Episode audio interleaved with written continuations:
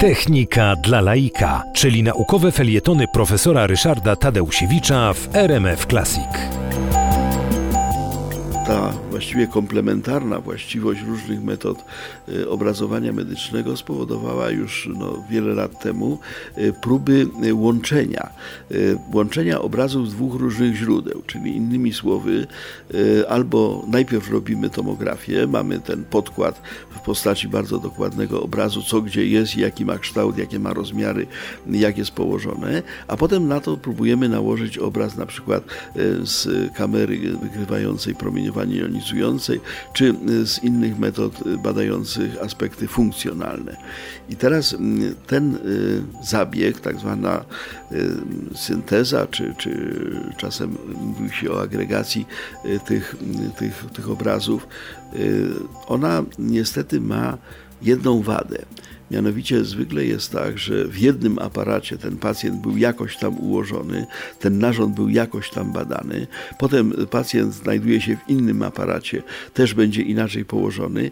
Znalezienie takich punktów charakterystycznych, e, żeby podczas tej tak zwanej fuzji, czyli takiego łączenia tych dwóch obrazów, e, no, utrafić z właściwymi mm, informacjami o funkcjach do właściwych elementów związanych e, z kształtem, budową strukturą, no to, to, to nie jest łatwe. Tajniki techniki zdradza profesor Ryszard Tadeusiewicz. W związku z tym y, zaczęto budować, to jest oczywiście kosztowna technika, ale zaczęto budować takie kombajny.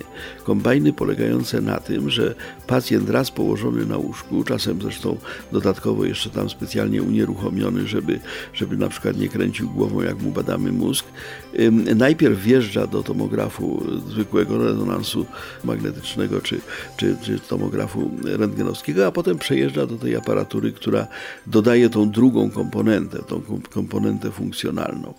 Y, I y, okazuje się, że tego rodzaju aparatura w tej chwili bardzo dobrze zdaje egzamin, dlatego że pacjent w tym samym położeniu, w tym samym, y, w tym samym no, miejscu zostaje zbadany na dwa różne sposoby, powstają dwa różne zobrazowania, a połączeniem tego zajmuje się komputer, który po prostu cały ten eksperyment śledzi.